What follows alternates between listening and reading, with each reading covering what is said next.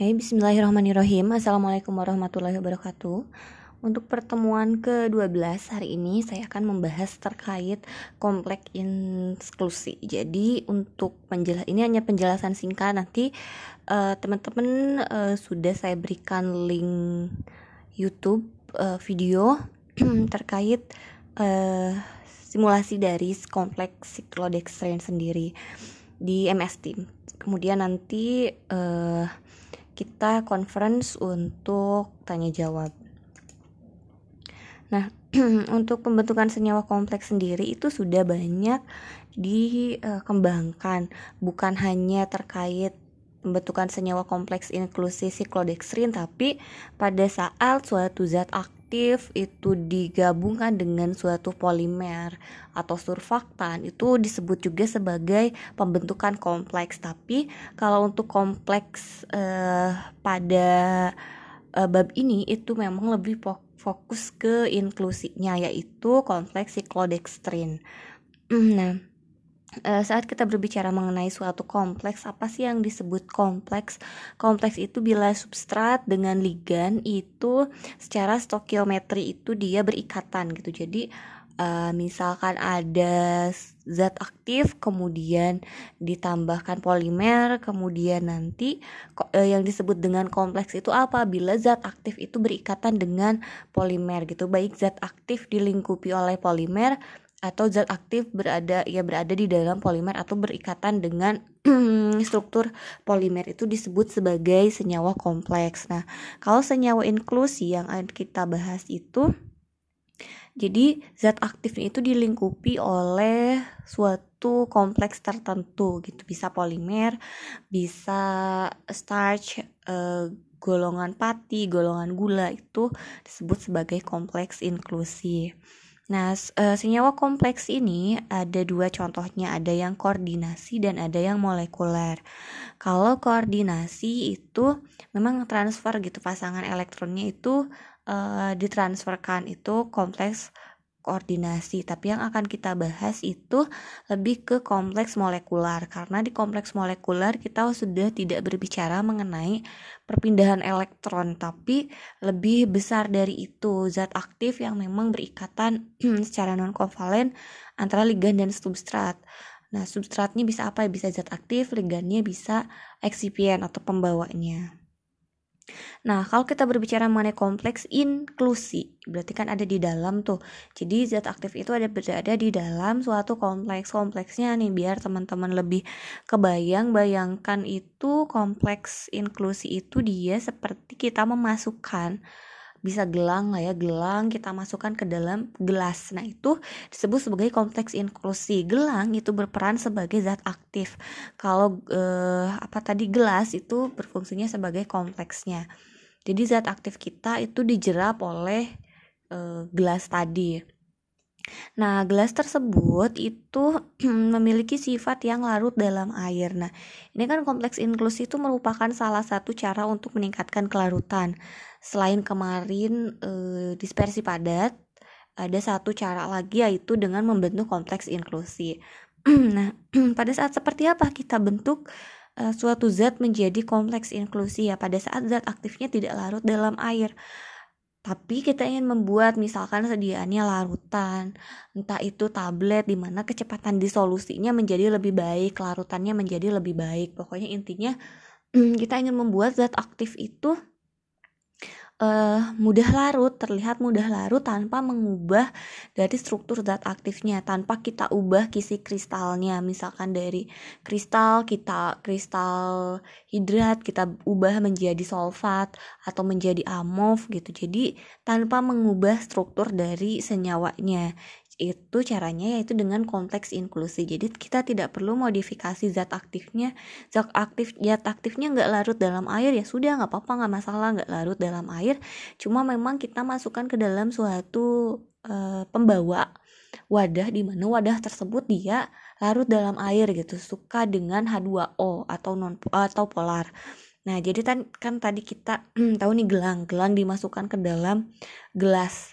Nah, gelang tersebut dia itu nggak larut dalam air. Nah, kita masukkan ke gelas. Nah, gelas ini dikenali sebagai air itu adalah dikenali sebagai senyawa yang larut dalam air. Jadi uh, air itu akan kontaknya itu dengan gelas bukan dengan uh, zat aktif kita bukan dengan gelangnya jadi nanti saat gelang masuk ke dalam gelas itu kayak dikasih penutup lagi jadi kasih penutup sehingga air tuh nggak bisa kontak sama zat aktifnya. Zat aktif hanya bisa kontak dengan permukaan si gelas tersebut.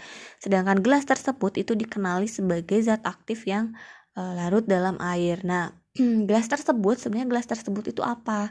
Apa sih gitu gelas tersebut itu? Nah Gelas tersebut itu biasanya itu kebanyakan itu adalah dari golongan oligosakarida yang terdiri dari glukosa atau glukopironase.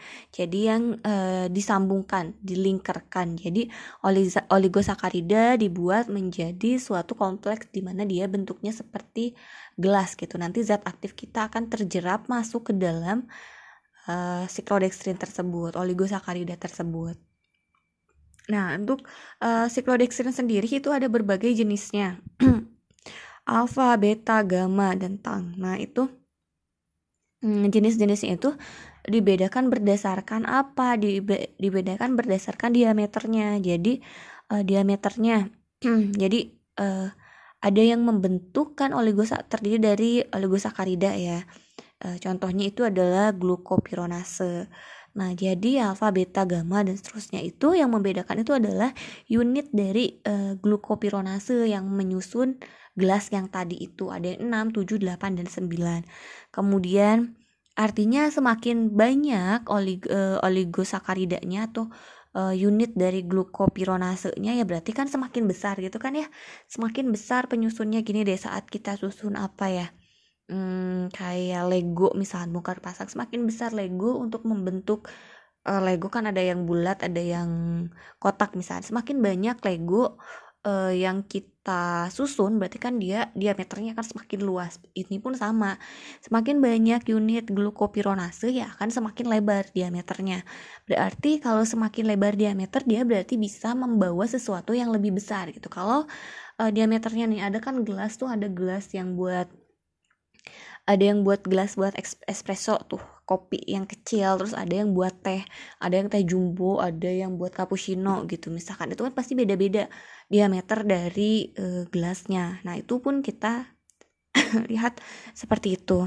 Misalkan untuk cappuccino uh, untuk espresso kan kecil tuh oh, berarti uh, itu bisa aja alfa misalkan di mana unit uh, glukopironasenya tuh sedikit uh, kemudian kita tambahkan bisa gelas uh, gelas cappuccino misalkan atau uh, yang lainnya gitu di mana dia akan lebih besar diameternya semakin lebih besar diameternya berarti kan yang bisa masuk pun semakin besar semakin besar diameternya ya artinya dia semakin bisa memuat zat aktif dengan bobot molekul yang besar.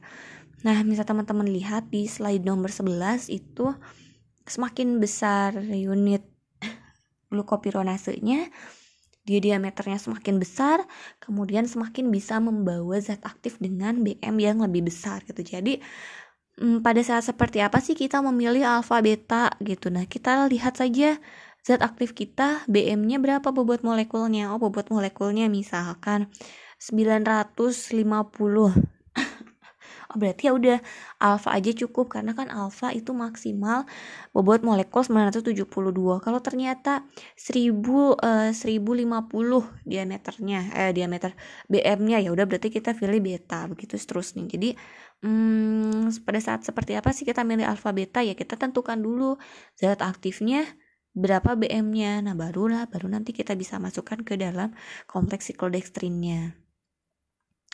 Kemudian, nah kalau untuk terkait dengan kelarutan di dalam airnya itu tidak berpengaruh ya antara alfa, beta, gamma apakah semakin besar unit glukopironase apakah dia semakin larut itu tidak bisa menjamin. Kita lihat di sini bahwa datanya memang mm, naik turun gitu. Jadi memang tidak bisa ditentukan oleh unit uh, penyusunnya. Nah, kemudian nah e, terus gini pertanyaannya biasanya. Kalau misalkan zat aktif udah terjerap di dalam e, kompleks alfa atau beta siklodextrin atau siklodextrin apa yang akan terjadi? Gimana sih caranya obat dia bisa mm, e, memberikan efek gitu. Jadi caranya mm, gelas yang tadi itu saat nanti udah terlarut dia akan e, saat nanti akan e, ke reseptor itu pasti akan dirusak. Akan rusak oleh enzim tertentu di dalam tubuh. Oleh enzim kan bisa tuh ada enzim yang bisa memecah e, glukosa golongan polisakarida. Jadi akan dirusak oleh enzim tersebut. Kemudian nanti zat aktifnya akan berikatan dengan reseptor dan menghasilkan efek gitu Kemudian nah untuk uh, untuk melihat apakah kompleksasinya itu sudah uh, maksimal atau tidak, berhasil atau tidak, bisa kita lihat dari uh, biasanya kita ukur kelarutannya. Jadi sebelum dimasukkan ke dalam kompleks inklusi seperti apa kelarutannya, apakah ada endapan atau tidak. Itu yang paling mudah. Jadi kita lihat ada endapan atau tidak kan kalau tidak larut kita cukup melihat uji kelarutan itu waktu di Farvis seperti teman-teman tahu kayak hmm, ada yang agitasi, ada yang dengan suhu dan lain-lain itu. Jadi memang kita uji dulu kelarutannya apakah ada endapan atau tidak. Nah, terus nanti yang sudah ditambahkan ke dalam kompleks pun kita uji lagi kelarutannya apakah ada endapan atau tidak. Terus kita ukur berapa banyak yang mengendap gitu. Kemudian bisa juga dengan kalorimetri uh, ukur kadar lebih, lebih tepatnya bisa spektrofotometri UV visible, bisa HPLC yang paling sederhana dengan titrasi. Jadi memang dilihat uh, kadarnya seperti apa. Kemudian untuk karakterisasi itu yang utama sama DSC. Jadi DSC ini kalau untuk bentuknya padat ya. Kalau misalkan kita buat granul, kita buat tablet, kompleks inklusinya kita uji dengan DSC. Jadi sebelum Hmm, sebelum dibuat dalam kompleks, kita uji berapa sih dia titik lelehnya. Kemudian setelah dimasukkan ke dalam kompleks inklusi, berapa sih titik lelehnya, apakah ada perubahan atau tidak. Kemudian eh, XRD, X-ray untuk melihat uh, spektrumnya. Itu juga untuk padat. Kemudian FTIR, FTIR padat dan larutan juga bisa. Kemudian X-ray. Nah, X-ray juga tidak terlalu berpengaruh karena memang kompleks siklodextrin itu memang bentuknya amorf karena kan dia memang larut dalam air. Nah, untuk metode pembuatannya itu intinya sebenarnya sama melarutkan zat aktif dengan uh, ligan tertentu gitu. Jadi zat aktif uh, mau ditambah nah alfa beta gamma itu sudah ada gitu. Jadi um, sudah ada gitu kita tinggal nyari oh kita tinggal beli misalkan mau alpha cyclodextrin udah oh kayaknya setelah kita lihat BM-nya oh cocok nih dengan alpha cyclodextrin misalkan oh yaudah kita beli aja alpha cyclodextrinnya kemudian kita campurkan dengan zat aktif kita. Nah caranya bisa dengan kopresipitasi yaitu pengendapan kita larutkan sambil di mixing itu sudah jadi gitu. Jadi memang sudah dia akan otomatis masuk ke dalam hmm, kompleks tersebut gitu jadi zat aktifnya ada dengan netralisasi, kneading, freeze drying, spray drying, solid dispersi, grinding. Intinya uh, ada yang secara fisika, ada yang secara kimia, ada yang memang ditambahkan dengan uh, pelarut air. Jadi kita larutkan dulu, baru nanti diendapkan. Ada yang memang uh, dalam pencampuran kering seperti kneading, uh, solid dispersi grinding itu dalam pencampuran kering. Ya udah kita langsung aja campurkan. Zat aktif dalam bentuk serbuk kita campurkan ke dalam beta alpha cyclodextrin dalam bentuk serbuk gitu. Jadi itu dalam bentuk kering. Kalau misalkan uh, spray drying netralisasi kopresipitasi freeze dry itu kita solid dispersi juga sama. Jadi kita larutkan dulu kemudian nanti hmm, di uh, uapkan airnya Nah, untuk aplikasi dalam sedia dalam bidang farmasi itu untuk meningkatkan disolusi yang akhirnya semakin cepat disolusi berarti ketersediaan hayatinya semakin baik. Kemudian kalau untuk disediaannya sendiri untuk sediaan cair untuk meningkatkan kelarutan. Jadi e, bisa kita buat dia zat aktifnya nggak larut dalam air tapi bisa kita buat menjadi larutan sejati dengan caranya kita bentuk menjadi kompleks inklusi. Kemudian semi solid juga sama itu untuk meningkatkan pelepasan zat aktif dari salep atau dari suppositoria Keuntungannya ya tadi meningkatkan kelarutan, ketersediaan hayati, semakin besar ketersediaan hayati ya berarti efek farmakologinya juga semakin besar. Kemudian eh, efek toksiknya lebih rendah dibandingkan yang lain karena apa? Karena tidak menggunakan pelarut organik atau tidak kontak dengan logam sehingga memang lebih safety, lebih aman.